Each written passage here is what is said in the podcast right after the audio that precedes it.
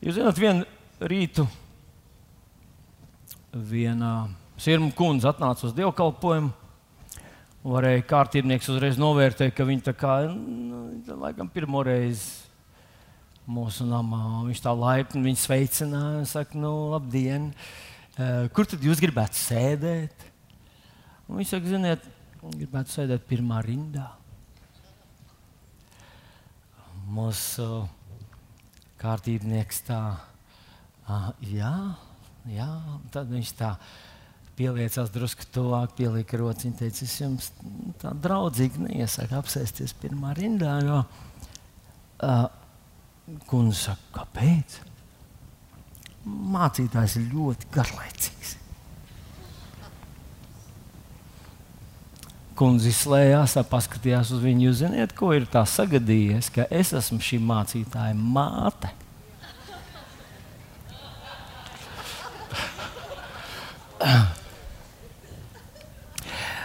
Uz ko kārtībnieks saka, jā, es nezināju, piedodiet, bet vai jūs zinat, kas es esmu? Sirmā kundze apskatīja viņu, saka, nezinu. Nu, ļoti labi, lai tā arī paliek.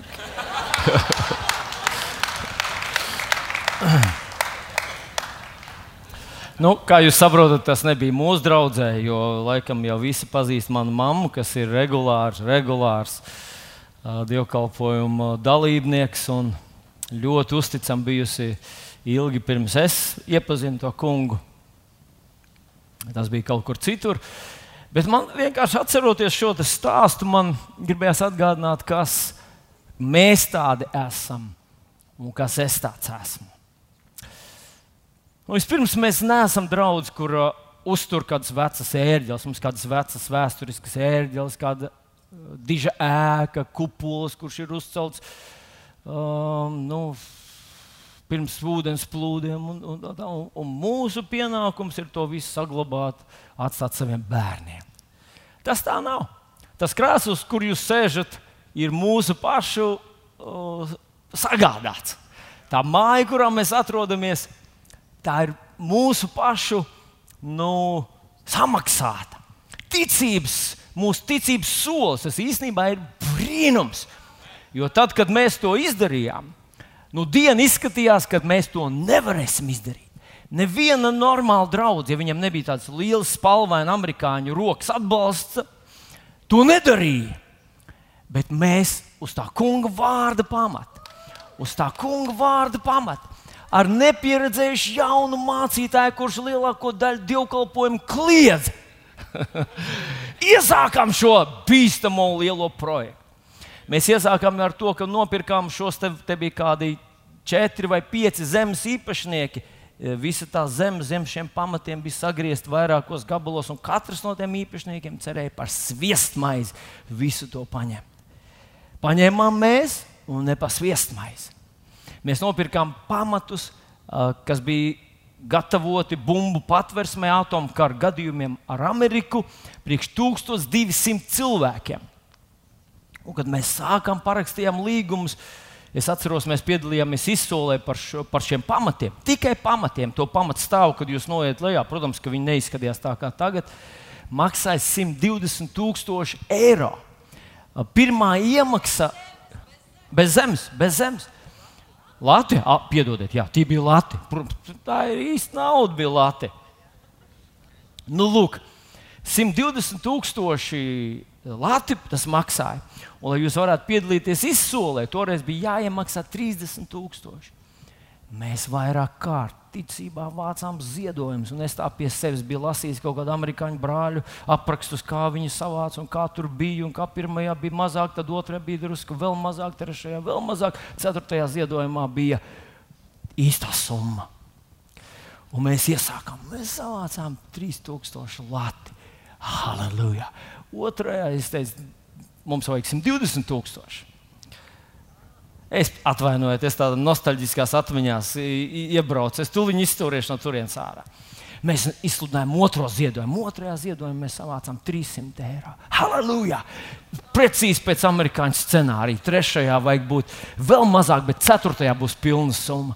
tiešām trešajā ziedojumā bija kaut kādi tur, nu, 20 eiro. Un tad bija ceturtais, no Jēzus vārda, ticības acīm. Es skatījos uz tiem cilvēkiem, viņi visi skatījās uz maniem. Teicu, no kurienes vilni? Ko tu taisies darīt? Es saku, mums vajag 120 tūkstoši, šobrīd mums ir 33 tūkstoši. Mums vajag 120 tūkstoši Jēzus vārdā. Es gaidīju, nezinu, vai kaut kur kādā ejā eņģelis stāvēs un iemetīs savu ziemu vai ko. Jo šķiet, mēs visi bijām devuši. Vienu otru māsu atnesa savu brošu, zelta brošu, kāds savu mirušā vectēvu zelta gredzenu ieziedoja, kāds tur nu, kaut kādu relikviju, kas domāja, ka ir vērtība, bet izrādījās, ka nekas tur liels nav. Vārds sakot, pašā pēdējā ziedojumā tur bija kaut kāda 18 lati. Citiem vārdiem sakot, kad mēs aizgājām uz izsoli, mēs iemaksājām visu, kas mums bija, tikai lai piedalītos izsolē. Halleluja! Mēs to izdarījām. Zinat, ko? Mēs esam draugi, kuras, kuras eksistence, kuras panākumi un, un arī tas, nu, tas tīri tas redzamais panākums, jo ar cilvēkiem ir īsti tā, ka tu īsti nevari nevar novērtēt to, kas cilvēka sirdī notiek. Un pie kam mēs esam redzējuši, ka diezgan daudz, vairāk simt cilvēku vienkārši visas šīs situācijas, nu, visas tās dramatiskās pasaules situācijas uh, kontekstā pameta Latviju. Un diezgan daudz no mums aizbrauc, diezgan daudz mīļas, dārgas ģimenes atrodas kaut kur svešumā. Varbūt jūs Skatieties mūsu internetā. Mēs jūs mīlam, mēs par jums lūdzam, jūs esat mums dārgi, bet jūs aizbraucāt. Un, un mēs šeit palikām. Un zinat ko? Mums izdevās viss.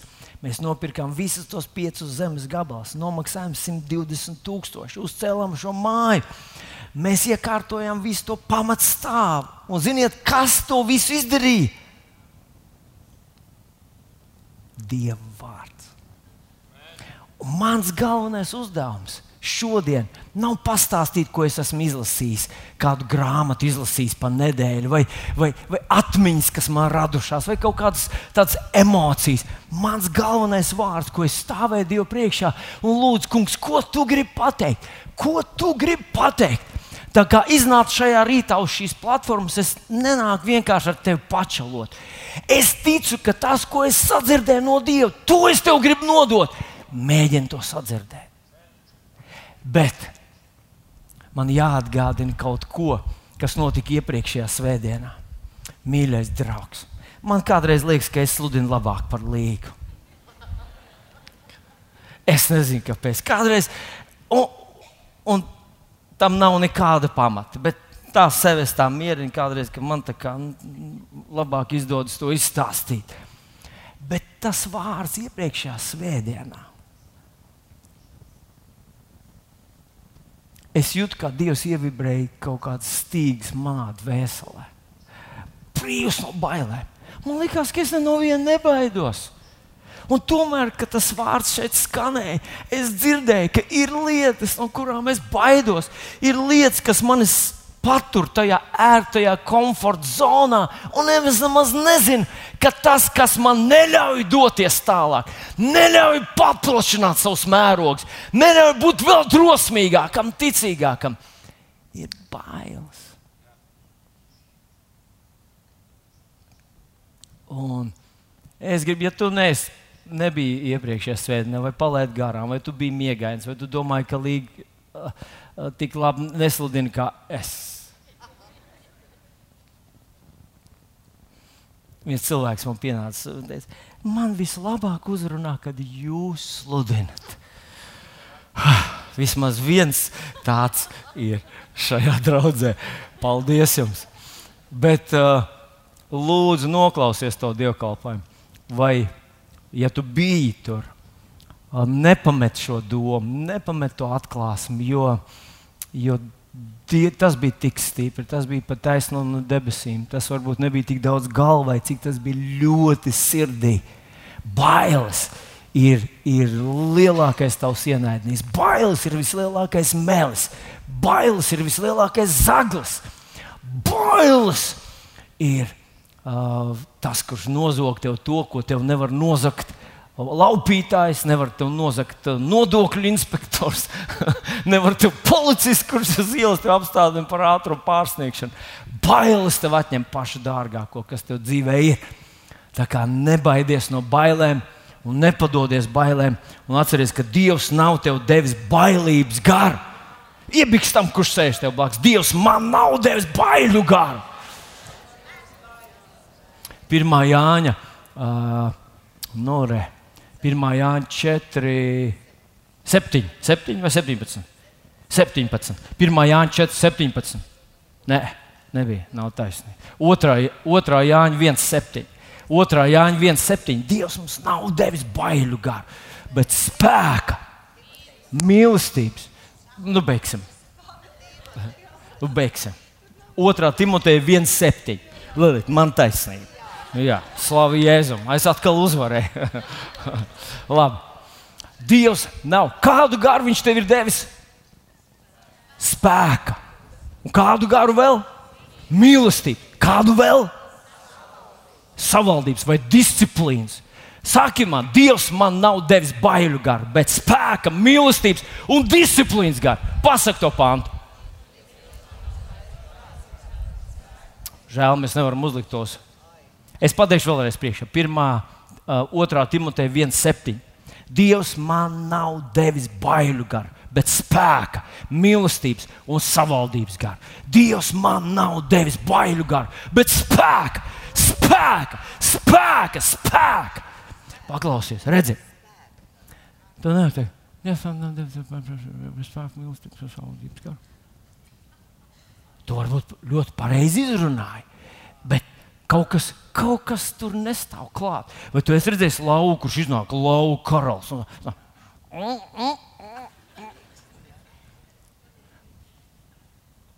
Viņš precīzi tā kā tas skan, tāda ir autoritāte.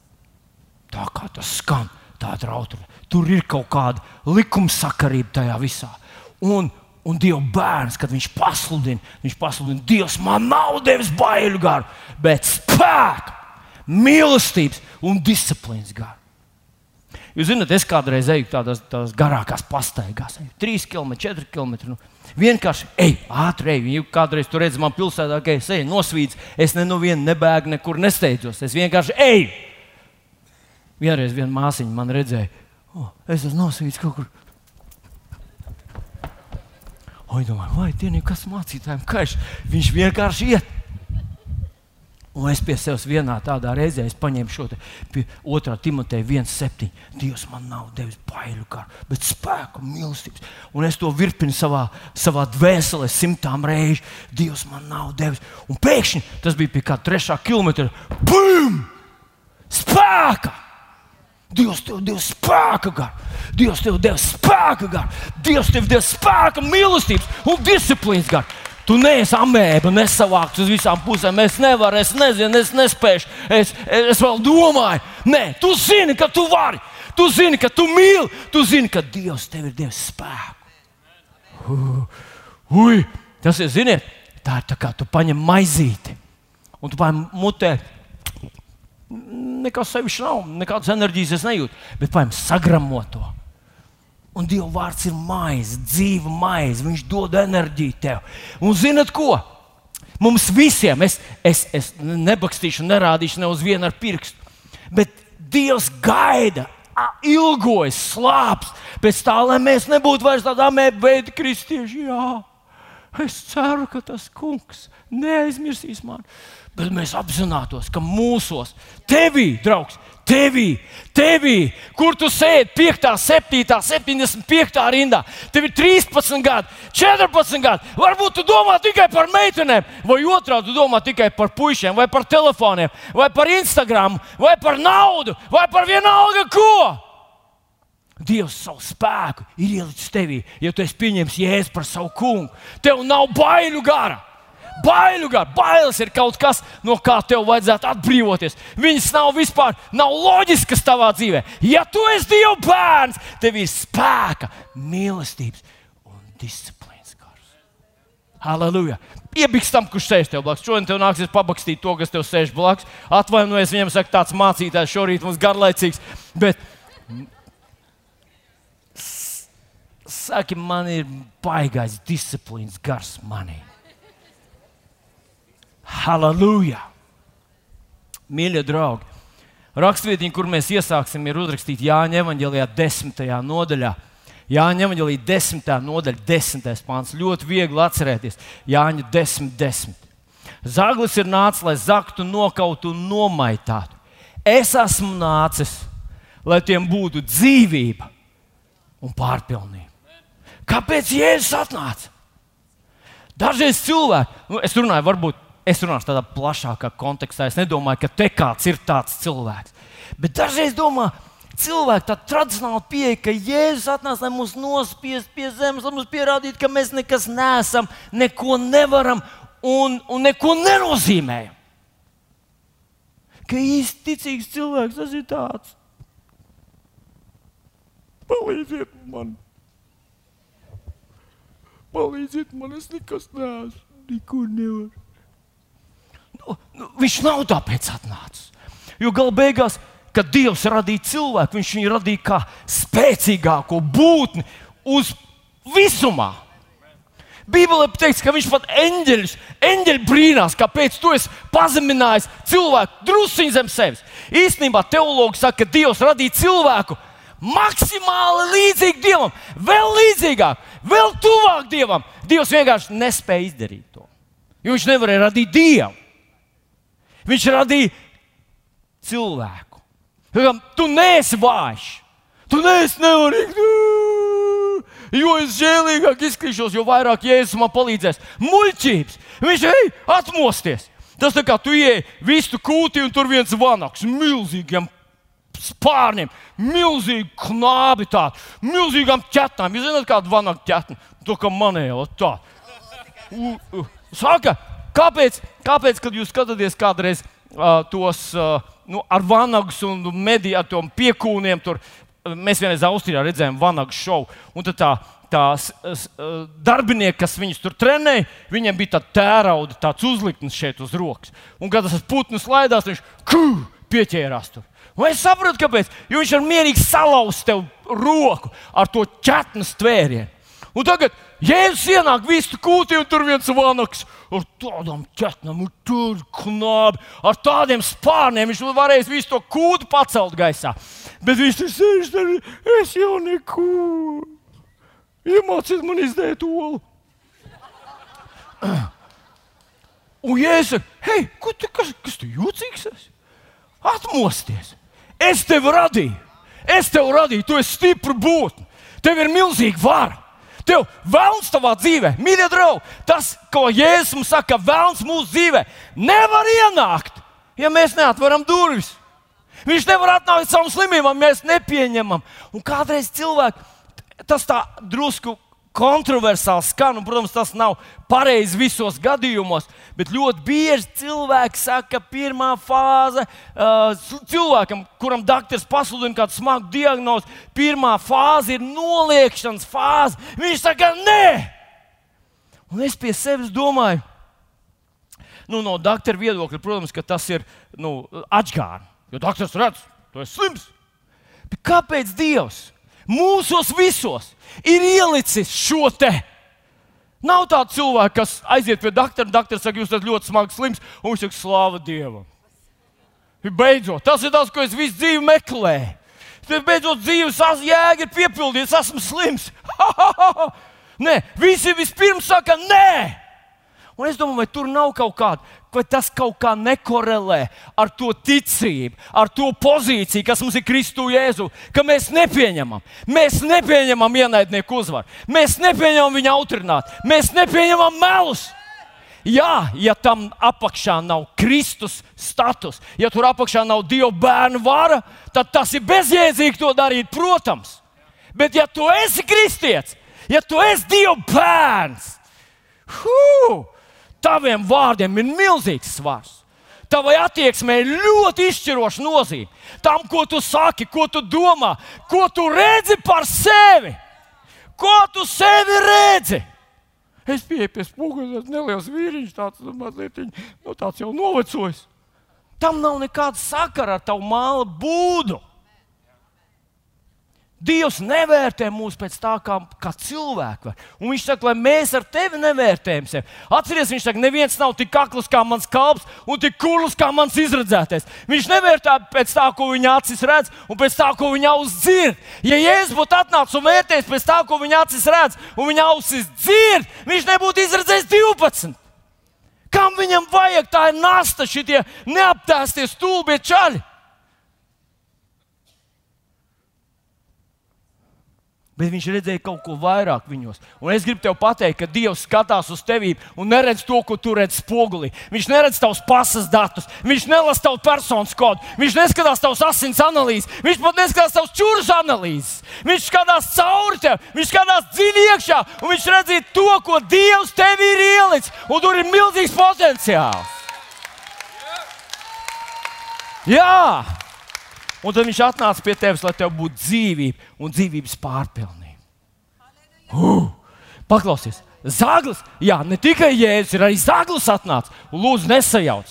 Tur ir tas, tas, tas lielais misēklis, ko dara ļoti daudz cilvēku. Viņi jauc, kurš tas ir. Un, ja es teicu, ja uzbrukums pret tevis, tas nav no manis ja tas tev paceļ, ja tas tev stiprina, ja tas tev iedvesmo, ja tas tev iedrošina, ja saka, ka tu vari, ja saka, ej, ja saka, uzticies, ja saka, ka tu neviens kalns priekš tevis nav par augstu, tad tas ir Dievs. Ļauj man pateikt. Varbūt tas ir vienkārši tāds pasaulīga lietiņa, kaut kā darba pienākums, kur visus izēda un visus izmeta. Un tagad tu esi tur nonācis. Un tu biji sev arī, nu, vai es jau nezināšu, jau nevarēšu. Un tad pēkšņi tev kāda balss saka, tu gan vari to izdarīt. Un tu esi gaidījis, ka tu, tu vari gavēt, jā, tas ir tas kungs. Tu vari izlasīt Bībeli, tas ir tas kungs. Tur iet uz dievkalpojumu, tas ir tas kungs. Bet, ja tev kāda balss saka, ka tu vari tikt galā ar situāciju, ar kuru neviens cits nevar tikt galā, tas arī ir tas kungs. Tas ir tas kungs. Un es gribu teikt, ka tevi nevar, vēlams, tevi nevar iemānīt tādā situācijā, no kuras tev nav izējis. Nevar, vienkārši nav iespējams. Ja tu atceries to, kas tu esi, no kurienes tu esi nācis, jo viss, kas dzimis no Dieva, uzvar pasauli. Un šī ir tā uzvara, kas uzvarēs pasauli, mūsu ticība. Tajā mirklī, kad vēlams tev nozog tavu ticību, viņš nozog tavu uzvaru. Un tāpēc mēs to nevaram atļauties. Tā vienkārši dzīvot kā cilvēks un vērtēt tās visas savas situācijas. Jā, te jau neviens neizturēja, bet nu, tu esi tas, kurš izturēs. Jēzus vārdā. Jēzus teica, esmu atnācis, lai tiem būtu dzīvība un dzīvības pārpilnība. Ah. Dzīvība un dzīves pārpilnība. Vilni. Pats. Jā, es jau esmu draudzē piecus gadus gribās to dzīvību. Ne? Kāds varbūt teiks, jau desmit gadus esmu draudzē. Kā gribās to dzīvību, kur viņš tur saka, Jēzus atnāca. Uh, kur ir?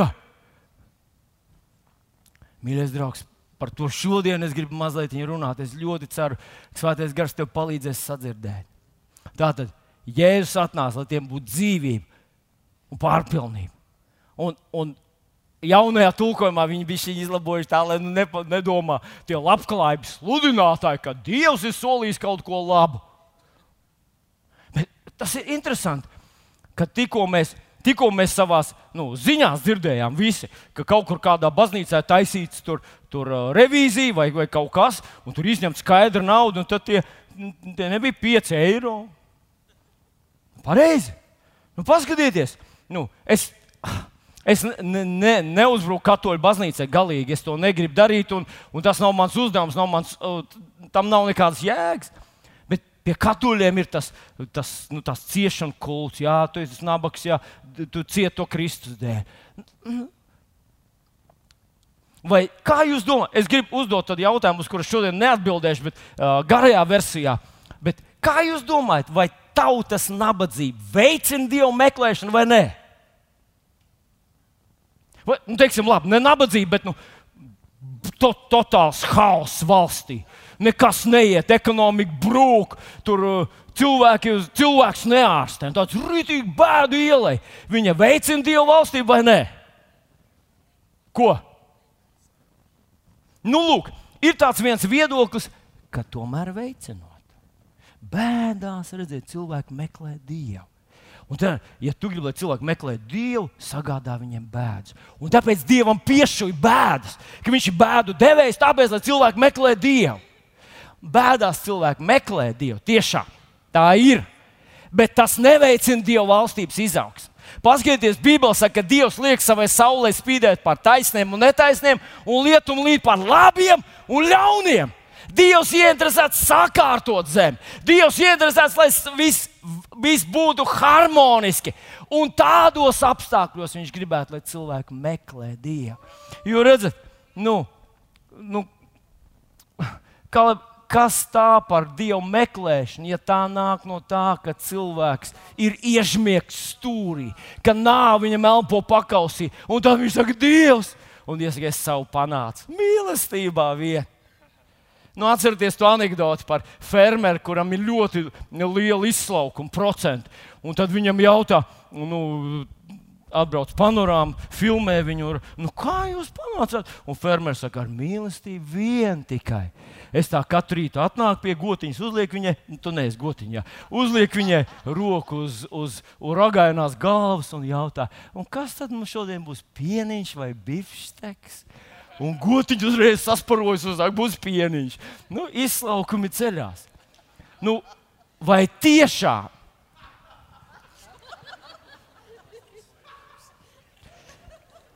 Vai tiešām tas būtu Dieva plāns? Vai tiešām tie, tie ir tie Dieva bērni, kas mīlēs Dievu? Viņš aizmies tev visus, tu vairs pelpot nevari pēdējiem elpas vilcienam savā izmisumā, sagraut no slimībām, nabadzības, ienaid. Viss tavā dzīvē ir sagrauts, un no tu biji Dievs.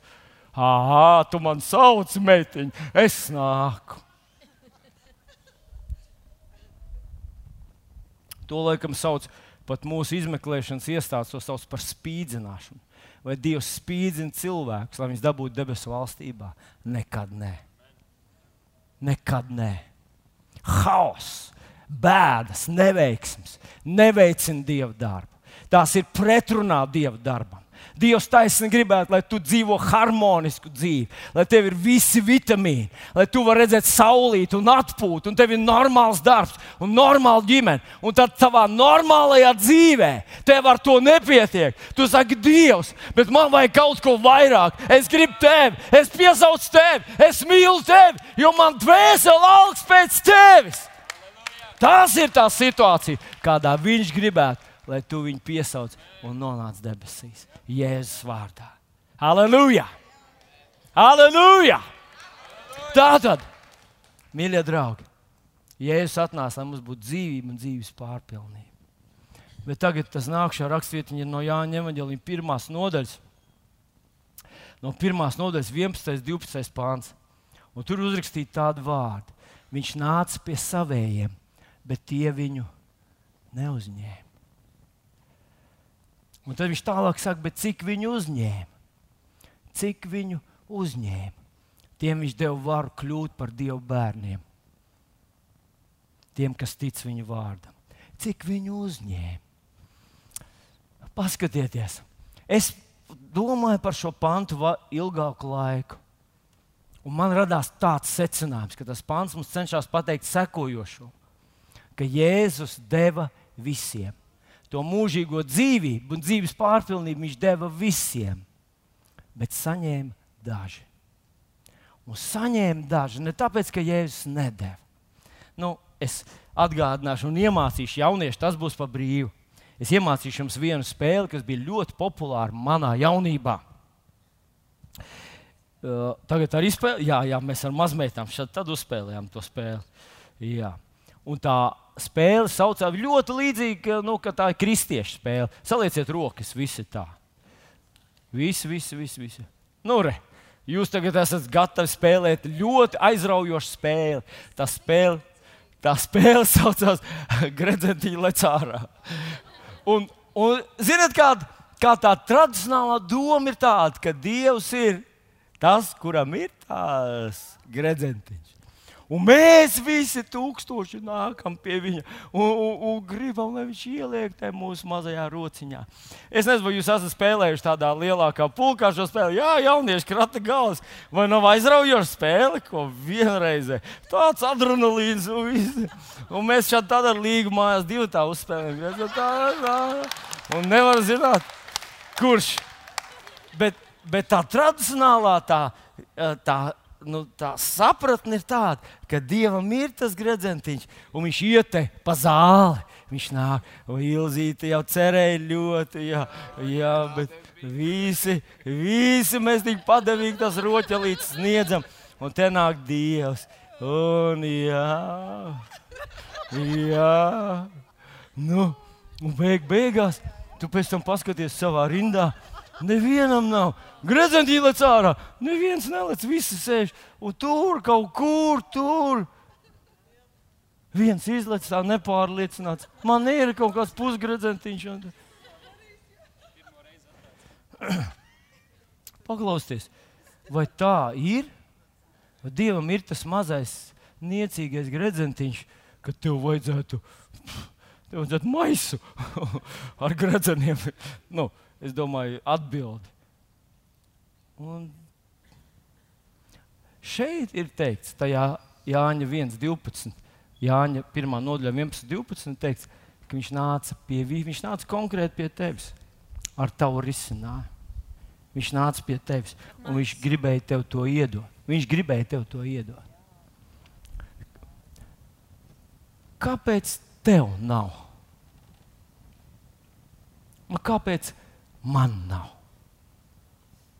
Un vai tu vari nav? Zini, ir kaut kur kaut kas, ko es saprotu, ka man vēl nav. Kāpēc man nav? Vai tas ir tāpēc, ka Jēzus man to neiedeva? Tā varētu būt. Ka viņš nāca pie manis un, un, un tukšs bija viņa rokas. Tā nav iespējams. Viņš deva visiem, saņēma daži. Un atcerieties, viņš teica, bet tiem, kas viņu uzņēma, tiem, kas viņu uzņēma, tiem viņš deva. Nu, tajā vārdiņā uzņēma ir kaut kāds tāds kods, kur mēs katrs tulkojam pa savam. Kāds sauc par uzņēmumu ar to, ka viņš noskatās tiešraidē dievkalpojumu nu, pa vidu starp, starp uh, uh, ēst gatavošanu un kaut kādiem mājas darbiem. Viņš paskatījās dievkalpojumu. Kāds palasīja Bībelīti, saka, es uzņēmu. Kāds nosēdēja visu dievkalpojumu līdz galam, nosēdēja un aizskrēja tikai tad, kad jau tur sākās kaut kāda kustība pašā beigās. Kāds palika vēl līdz pašām beigām un aizgāja tikai beigās, vēl kafejnīcā nogāja un papēta zupšķīvi un tikai tad aizgāja. Un sauc to es uzņēmu.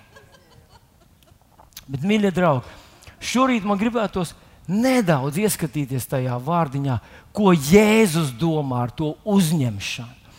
Un uh, Mateja evanģēlijā 9. nodaļā, no 18. panta, sākās trīs atsevišķi gadījumi, kur mums stāsta par cilvēkiem, kas Jēzus kalpošanas laikā viņu uzņēma. Kā tad izskatījās tas, ko Jēzus saka, uzņēma? Viņu uzņēma, tāpēc viņi dabūja. Tie daudzi tur bija, daudzi klausījās.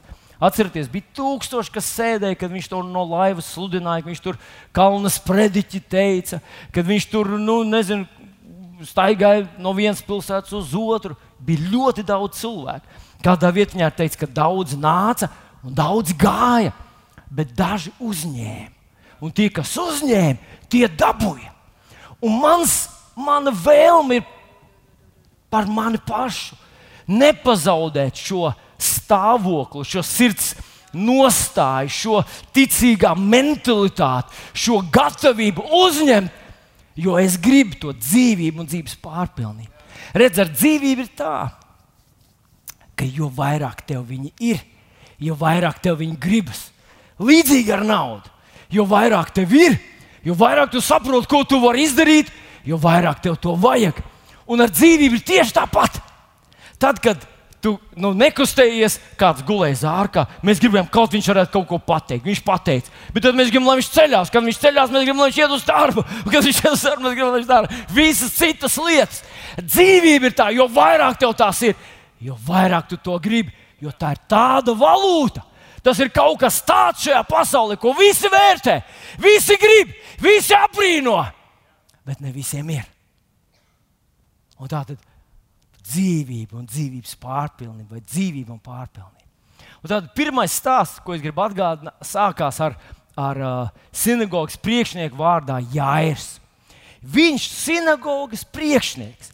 Visa viņa dzīve ir sinagogā, kur viņi lasa mūžus, baušus, visus apsolījumus, visus tos praviešus. Viņi zināja tos no galvas, esmu drošs, ka viņš bija labs sinagogas priekšnieks. Bet viņa meitiņa nomirst. Un viņa meitiņa nomirst, un viņš atnāk pie Jēzus un nometās viņa priekšā zemē. Visu cilvēku priekšā, sinagogas priekšnieks. Lai nu, normāli būtu, ka viņš justos, ka viņš jau kaut ko ir sasniedzis. Viņš atnāca nometās priekšā viņš saka Jēzum tos vārdus. Man meitiņa nu pat nomira, bet tu atnāc, uzliec viņai rokas, un viņa dzīvos. Paklausieties vārdus. Mana meitiņa nomira bet tu atnāc, uzliec rokas, un viņi dzīvos. Kurš to var pateikt? Tie taču, tie taču nav inteliģentam cilvēkam vārdi. Mēs sakām, ka atnāksiet, aizlūgsiet, varbūt paliek labi, varbūt kas zina, varbūt kaut kas notiek. Bet asinsērdzīgai sievai un singls priekšniekam ir šie vārdi. Viņa nomira, atnāca, uzliec rokas, un viņa taps dzīva. Un Jēzus iet ar viņu. Bet nu, tagad sākās tie trīs, trīs uzņemšanas veidi, par kuriem gribu šorīt jums atgādināt. Un iejaucās sieviete, kura 12 gadus slimo ar asiņošanu. No asiņošanas ir dažādas. Mēs visi zinām, ir no, visāda, no visādām vietām var asiņot varbūt vienkārši hemofīlija, sagriez roku un visu, un, un, un sagriez pirkstu, un tas asiņo, asiņo, asiņo, nezinu, smagans asiņo, asiņo, asiņo. Kur tev ir kāda brūcīga rētiņa, tu esi dzīves laikā dabūjis visu asiņo un nebeidz asiņot. Tajā laikā nebija nekāda līdzekļa. Vienkārši asiņoja un asiņoja. Un asiņoja. 12 gadu! Es nezinu, vai šeit ir kāds, kurš slimojas ar kaut ko līdzīgu, 12 gadus. Bet tas bija smagi toreiz. Un pie kam, mīļie draugi? Tajā laikā bija likums, ka tādi cilvēki, kuri asiņo, viņi tiek uzskatīti par nešķīstiem. Viņi nedrīkst nākt sabiedrībā. Viņi ir izstumti. Viņiem bija speciāls geto, kur viņi drīkstēja atrasties. Tur viņus baroja, tur, viņus, tur viņiem kaut kā palīdzēja. Bet sabiedrība atnāk, tas līdzinājās nāves spriedumam. Viņi varēja nomētāt akmeņiem, jebkurš, jebkurā vietā, jebkurā situācijā tas bija legāli. Viņi apdraudēja sabiedrību, un tāpēc viņu vajadzēja likvidēt ārpus tās geto zonas. Vai viņai bija pa gabalu jāsauc, nešķīs, nešķīs, lai cilvēki zinātu un ne, ne, nesaskartos ar viņu. Nu, lūk, šī sieviete dzird par Jēzu un iet, laužās cauri tam pūlim, riskē ar savu dzīvību, lai pienāktu pie viņa un pieskartos. Un viņa saka, Viņa saka ar savu muti, man nav pat jāpievērš viņa uzmanība. Es saku saviem vārdiem. Es tikai pieskaršos viņam, un es tikšu dziedināts. Es tikai pieskaršos viņam, un es tikšu dziedināts. Es tikai pieskaršos viņam, un es tikšu dziedināts. Atcerieties, mēs runājam par uzņemšanu, kas viņu uzņēma. Tā nav pasīva tāda sēdēšana. Tā nav tāda nu, labvēlīga, ar labvēlīgu sejas izteiksmi. Es uh, piedalos, Tas nav es paliku līdz galam. Viņa saka, viņa runā ar savu muti. Padomā, vai tu esi kādreiz nācis uz dievkalpojumu ar tādu sirds attieksmi? Šodien eju sev uz dievkalpojumu, un kad lūgs par vajadzībām, es tur ielikšu savu zīmību. Un kad aizlūgs, es saņemšu dziedināšanu. Un kad viņa aizlūgs, es saņemšu dziedināšanu. Kad viņa aizlūgs, es saņemšu dziedināšanu. Tu esi tā kādreiz nācis šī sieviete krasi atšķirtos no vidusmēra uh, mums, ticīgiem, jo viņa teica, viņš tikai, man tikai jāpieskaras, un es saņemšu dziedināšanu. Man tikai jāpieskaras. Nu, lūk, un tur viņi pieskarās viņam. Un fū, uzreiz tas notiek. Neviens neko neman, bet Jēzus man. Hei, kas tur ir? Kurš tas bija? un nu viņai ir jāizstāsta. Nu viņu var nomētāt akmeņiem. Nu, viņas liktenis ir Jēzus sarežģīto situāciju, nevis tā klusi teikt, kurš tas bija? Kas ir? Kāpēc? Un tad viņa drebēdam, tur kādos citos evanģēlijos teikts, viņa nokrīt pie viņa izstāsta to savu problēmu. Un es teicu, meitiņa, tava ticība, tava ticība, tu uzņēmi, tu dabūji. Es tāpēc atnācu, tevis dēļ atnācu, tu biji gatavs, es ieliku tev to dārgo gradzenu tavā rokā. Aleluja! Tagad paskatieties, kā rīkotos mūsdienu tāds um, normāls, erudīts kristietis. Kā viņš rīkotos? 12 gadus tu slimo, pareizi. Tev ir grūti nosēdēt, tu nedrīkst tur iet. Tu, uzreiz cilvēki pamanīs, ka tu tur esi. Mēs aizlīdz kā no paša aizmugurē, tur tumsā, kur jau pat, pat, nu, pat nu, cilvēki viens otru neatšķir.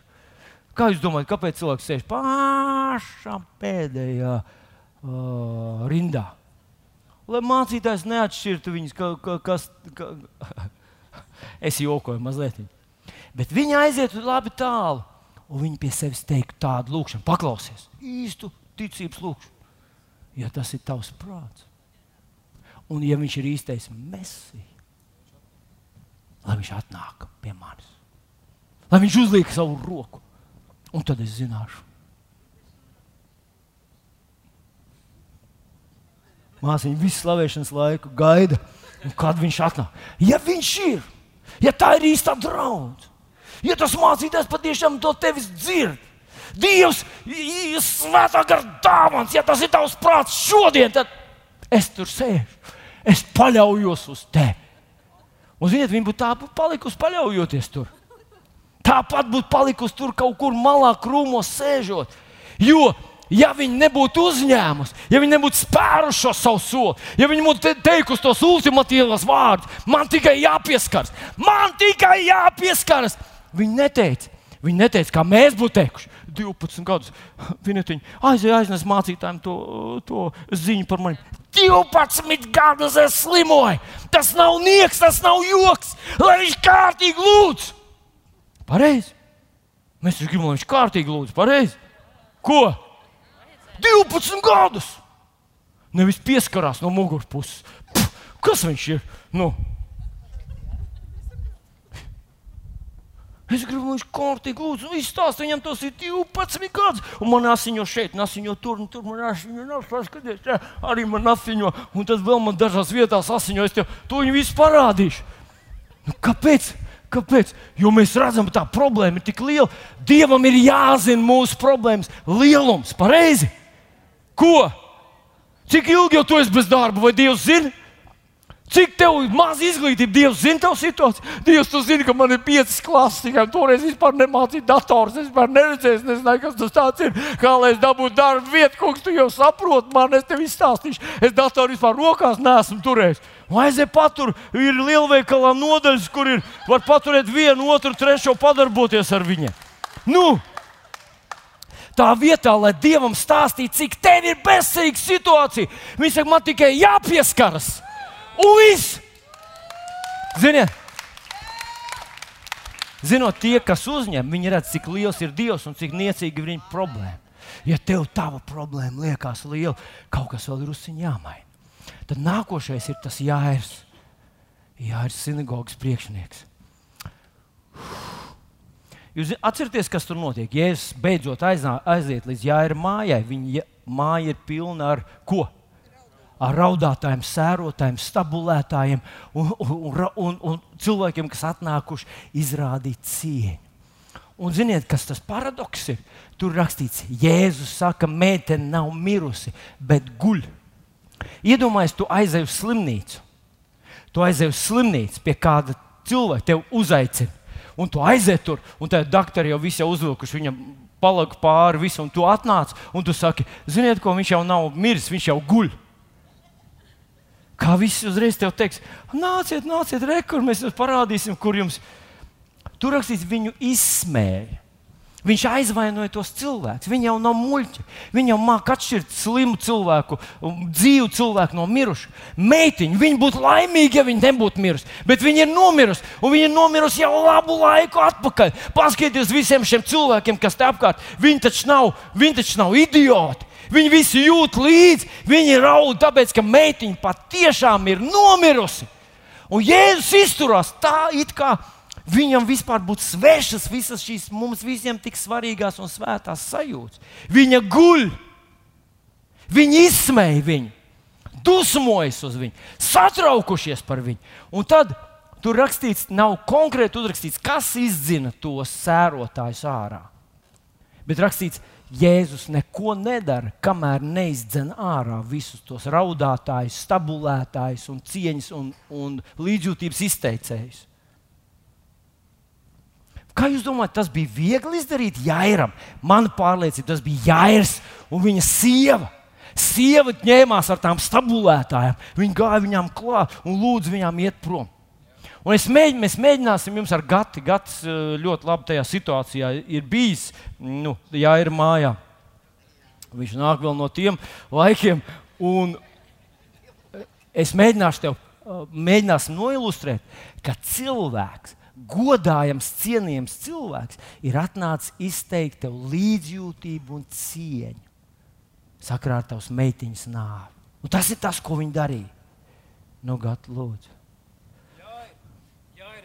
Dzirdēju par tavām bēgām. Es atnācu tevi mierināt. Turies, turies. Kādas bēdas, ah, kādas bēdas, meitiņa, šī meitiņa. Ej prom! Es saprotu, kā tu jūties. Tu raudi droši, man te uz pleca. Tu vari raudāt man droši, raudāsim kopā. Kādas bēdas? Kādas bēdas? Es tev saprotu. Šī jaukā meitenīte. Jūs saprotat? Jums kādreiz tā ir bijis, ka cilvēks pienāk jums un izsaka līdzjūtību un saka, ka mums ļoti žēl. Kādas bēdas? Un, un, un, un tagad tev ir tev ir viņš nu, jāizdzen ārā. Cienījams cilvēks, tas nav kaut kāds tur, e, e, kaut kāds garām gājējs. Tas ir cilvēks, kuru tu cieni, kurš tevi cieni, kura labvēlība vai domas par tevi tev kaut ko nozīmē. Un jāir tādas izšķiršanās priekšā. Uzticēties Jēzum, kurš neko nedara, kamēr šitie visi tur raud. Ziniet, kā mēs visi būtu gribējuši? ka viņi tur smējās, un viņi tur vēl, un Jēzus pienāk pie tās meitiņas un uzceļ viņu. Pareizi. Mēs, nu, loģiski, taču, nu, nav jābūt režisoram, lai to pateiktu, ka tas ir efektīvāk, pareizi. Nekā aizvainot visus tos cilvēkus, izdzīt viņus ārā. Un ko viņi pēc tam par tevi domās? Un, ja, jā, ir beigās. Paklausies, lūdzu, ej prom! Cilvēks ir aizvainots. Viss. Viņš ies vēl stāstīs visiem. Es aizgāju tam cilvēkam, izrādīt līdzjūtību. Mūsu meitiņas mācījās vienā skolā. Es atceros to mazo zaustariņu, viņa meitiņu, un šitais te. Un Jēzus. Bet es atceros rakstīti no Jāņa 5,44, kur rakstīts, kā jūs varat kļūt ticīgi cits no cita godu pieņemtam. Tas nozīmē, ja tu visu laiku gaidi, ka tava rīcība cilvēki tevi apbrīnos un cienīs, tu nevari rīkoties ticībā. Tas gandrīz nav iespējams. Jo īpaši pasaulē, arī šeit, ticīgo vidū, kādreiz cilvēks atķers galvu un teiks, ko tu dari, kāpēc tu tā dari. Bet, ja tev ir ticība, ja tu esi saņēmējs, ja tu uzņem viņu, tad tas kādreiz izskatīsies tik kontroversāli, tik pārliecināti, tik tā kā nērti un nepieklājīgi. Es ticu, nejūtiet man līdzi, nežēlojiet man, ejiet prom, sērotāji. Ai! Un tad ir pēdējais, pēdējais stāsts. Mums bija uh, uh, asinsardzīgā sieva, jā, ir meitiņa, un tad ir divi akli. Tur rakstīts, ka tie divi aklie seko Jēzum no Jāiras mājas. Jēzus iet ar saviem mācekļiem, tur droši vien kaut kādas sarunas bija, kaut kas, kaut ko kāds prasīja, un tie divi džeki iet no muguras. Nu, ne džeki, bet neredzīgi cilvēki. Tur nebija asfalts tā kā mūsu dienā. Tas bija vienkārši tāds kalnu ceļš, varbūt, nu, vai vienkārši kaut kāds, kaut kāds tur nu, ceļš. Es nezinu, kā tie cilvēki atrada sev, atrada sev ceļu. Es nezinu, viņiem bija balts spieķis, visdrīzāk nebija. Kaut kas viņiem bija, ko viņi orientējās tajā visā vidē. Un Jēzus iet, un tie puiši tur no tālienes sauc Jēzu, Dāvida dēls, apžēlojies. Jēzu, Dāvida dēls, apžēlojies. Jēzu, Dāvida dēls, apžēlojies. Ja es tā darītu, un man ietu te divi cilvēki no muguras, te vilni aizlūdz, vilni aizlūdz, un es noietu šo te gabalu tikai šos dažus, nu cik te 50 metrus. Jūs teikt, Vilnim sirds nav krūtīs, pareizi. Kas ir akmens sirds? Kas tam mūsu mācītājiem noticis? Kāpēc? Kāpēc Jēzus, kuras sirds bija vismīļākā, kuram bija vismīkstākā sirds, kurš bija atstājis debesis, speciāli tādu cilvēku dēļ atnāca šeit virs zemes, tādu kā tu un es, kāpēc viņš viņam neatsaucās uzreiz? Tāpēc, ka tas bija tas fenomens, tas ticības akts, ko viņi tur realizēja. Viņu uzņēma ticība. Viņa darbojās tajā mirklī. Jēzu, apžēlojies! Jēzu, Dāvida dēls, apžēlojies! Jēzu, Dāvida dēls, apžēlojies! Mums vajadzētu pamēģināt kādam aiziet tāds un likt viņam noiet šo gabaliņu. Mēs redzētu, kā viņš iet. Tas nebija vienkārši. Bet kāpēc Jēzus izbaudīja, un es gribētu teikt, šodien izbaudīja katru mirkli, katru situāciju, kur kāds cilvēks nevienkāršā, sarežģītā vidē un sarežģītos brīžos demonstrē to, ka viņš pāri visam uzticās Jēzum. Ziniet, kāpēc? Tas bija vienīgais veids, kā saņemt, uzņemt viņu kurš bija atnācis tieši tāpēc, lai palīdzētu. Tā nav pasīva, tā nav tā domu atbilde, tāda pozitīvā iekšējā noskaņojuma, tāda nostāja. Es neesmu skeptisks, es esmu atvērts, es arī gribu saprast. Tas ir kaut kas vairāk. Tas ir, kad tu saki, es gribu, un es pieņemu. Halleluja! Kā ir ar mums, ar tevi? Tu saproti, ka es runāju par mums ar tevi abiem, vai ne? Mēs ar tevi. Mēs esam sinagogas priekšnieki jau. Varbūt 20 gadus mēs jau esam uh, ticīgi. Bībeli esam divreiz izlasījuši. Nu, ne, ne divreiz, nu, vienu ar pusi reizi esam 20 gadu laikā izlasījuši cauri. Mēs zinām, jā, 3, 16 un 17. Mēs esam kristīti ūdenī, aleluja, lielupē. Ah, nē, nē, tas bija tepat. Nu, jā, bet man ir tāds sapnis aizbraukt uz Jardānu un tur nokristīties otru reizi svētajos Jardānas ūdeņos. Tev ir tāds sapnis. Tie ūdeņi ne ar ko nav labāki. Ne ar ko nav labāki. Netīrāki gan taisnība. Kāpēc? Kur esam mēs ar tevi? Vai mēs esam gatavi, ka tu esi 20 gadus kristietis, nākt un nomesties priekšā Jēzum, pie kājām teikt, Jēzu, Jēzu, Jēzu, Jēzu, Jēzus uzņem te. Nu, runājot par iepriekšējā svētdienas dievkalpojumu, par bailēm. Tu tevi aizķēri, tevi, tevi sakustināja, kaut kas iekšā notrīcēja. Tu zināji, ka tas ir tev. Nu, nosēdiet līdz beigām. Teicu, to lūgšanu. Par ko mēs tur lūdzām toreiz? Oh, nu, es teicu. Un gāja mājās pēc tam. Ah, mēs paēdām šeit. Tur bija boršs ar, ar, ar mm, nu, kas viņiem parasti svētdienās tur ir kāpost un, un, un kotleta. Tu atceries, ko tu ēdi, neatceries, ko tu lūdzi. Un es domāju par sevi, mīļie draugi. Man ir viena rakstvietiņa, kas man satricināja. Un es ļoti gribētu, lai šorīt tu satricinies, lasot viņu. Tā no ebrejiem 13. nodaļas 13. 14. pāns. Tāpēc iziesim pie viņa ārpus nometnes, viņa negodu nesdam. Tas ir iziešana ārpus nometnes. Un tā nometnes vieta, tie, kas uzņēma, viņi bija tie, kas izgāja ārpus nometnes. Tā nometnes vieta, protams, ir Mēs varētu uzskatīt, ka tie ir tie cilvēki, normāli, cienījami cilvēki, kas mums ir apkārt, kas mūs pazīst, kas mūs ciena. Un attiecības ar viņiem, tas smalkās nianses ar viņiem mums neļauj nu, būt tādiem radikāliem ticīgiem. Tādiem, kas mēs spēram soli, sakām, ziniet, Jēzus man palīdzēs. Jēzus ir mans glābējs. Es ticu, ka kopš viņš ienāca manā dzīvē, manā dzīvē viss iet uz augšu. Lai tu to pateiktu normāliem cilvēkiem, viņi...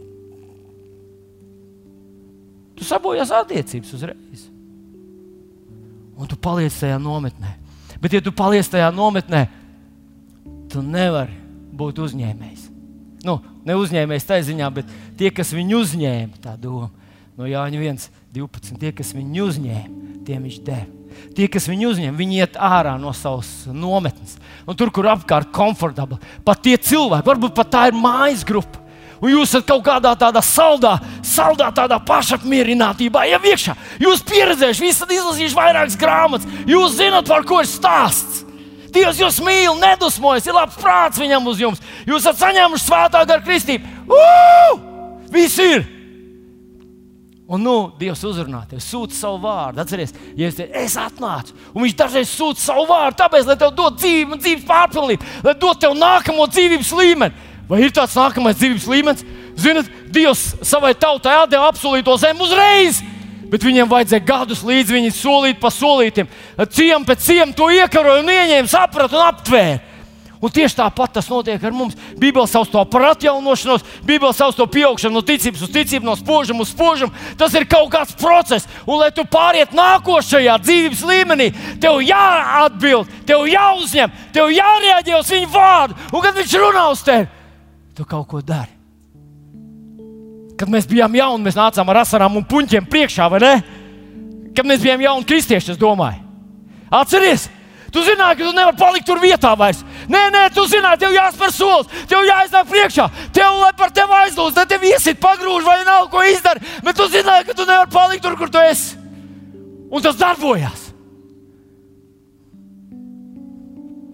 Bet tad viss mierīgi sēž. Nu. Kas tad tu esi tas neizglītots kaut kāds kristīts? Tu mierīgi noklausies, jā, labi, labi bija šoreiz. Jā, jā, jā, jā. par ko bija? Ko, ko viņš tur stāstīja no, no Bībelītes?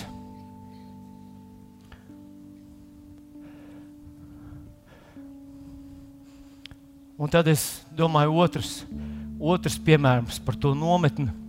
Ziniet, mēs tā kā kāpjam kalnā.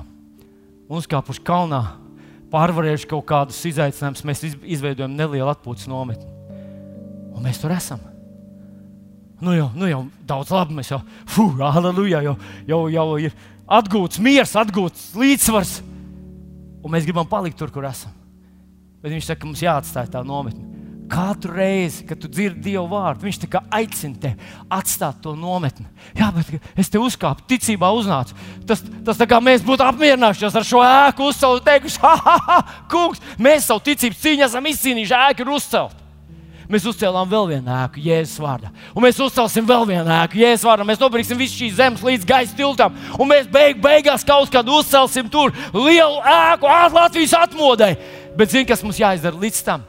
Mums ar te, tevi un mani. Mums ir jāizkāpj ārā no tās savas nometnīs, kur mēs uzcēlām kaut kur kalna pus, pusē, kaut kur to sasniegumu pusē, kur mēs jūtamies jau vērti. Kad viņš uzrunā tevi, hei, hei, hei, hei bailes, atmet bailes. Ha, atmet bailes, bet man bailes, atmet bailes. Kas man būs jādara, ja es atmetīšu bailes, būs jārīkojas. Halleluja!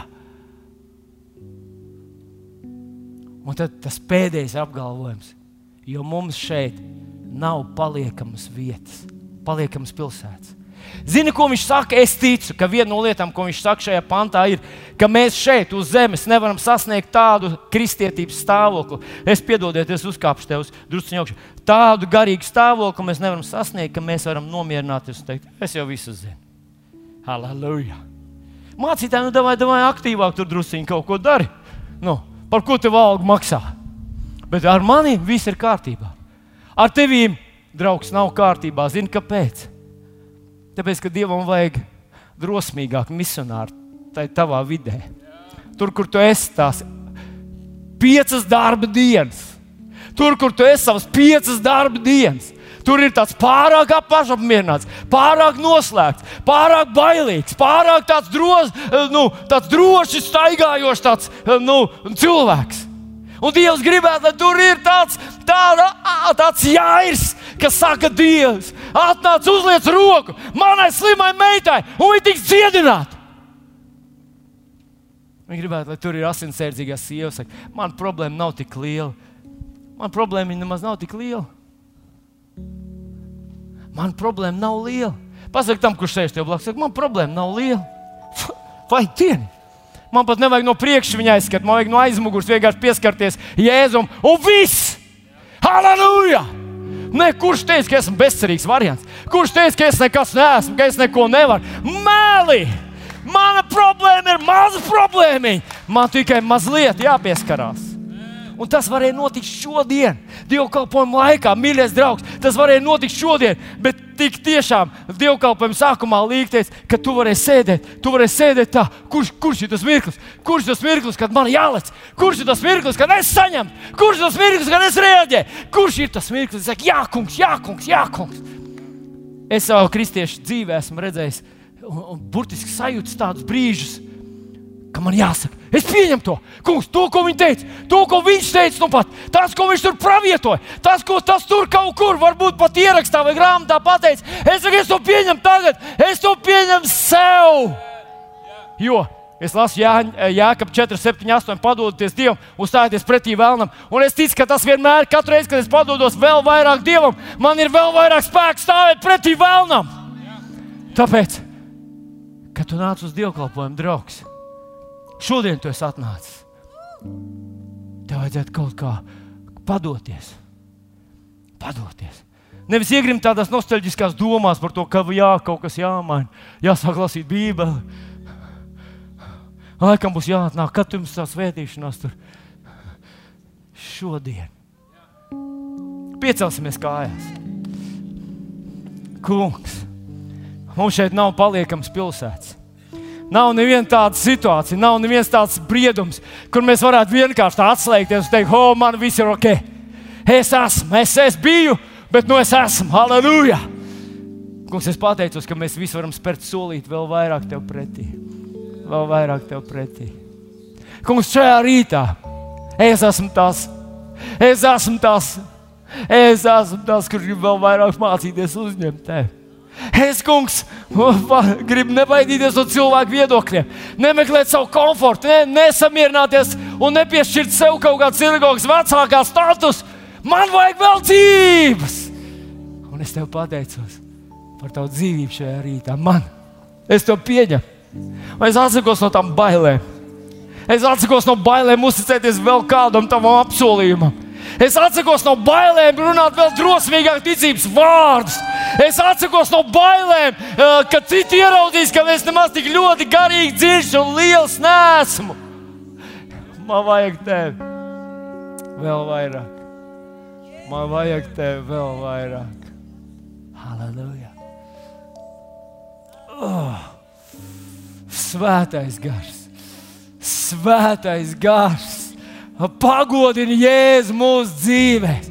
Palīdz mums ieraudzīt, ka tas, ko esam sasnieguši, ir mazums, tas, ko esam atzinuši, ir sākums, ka tas, kur esam, mums vēl ir tik daudz, kur augt. Jēzus!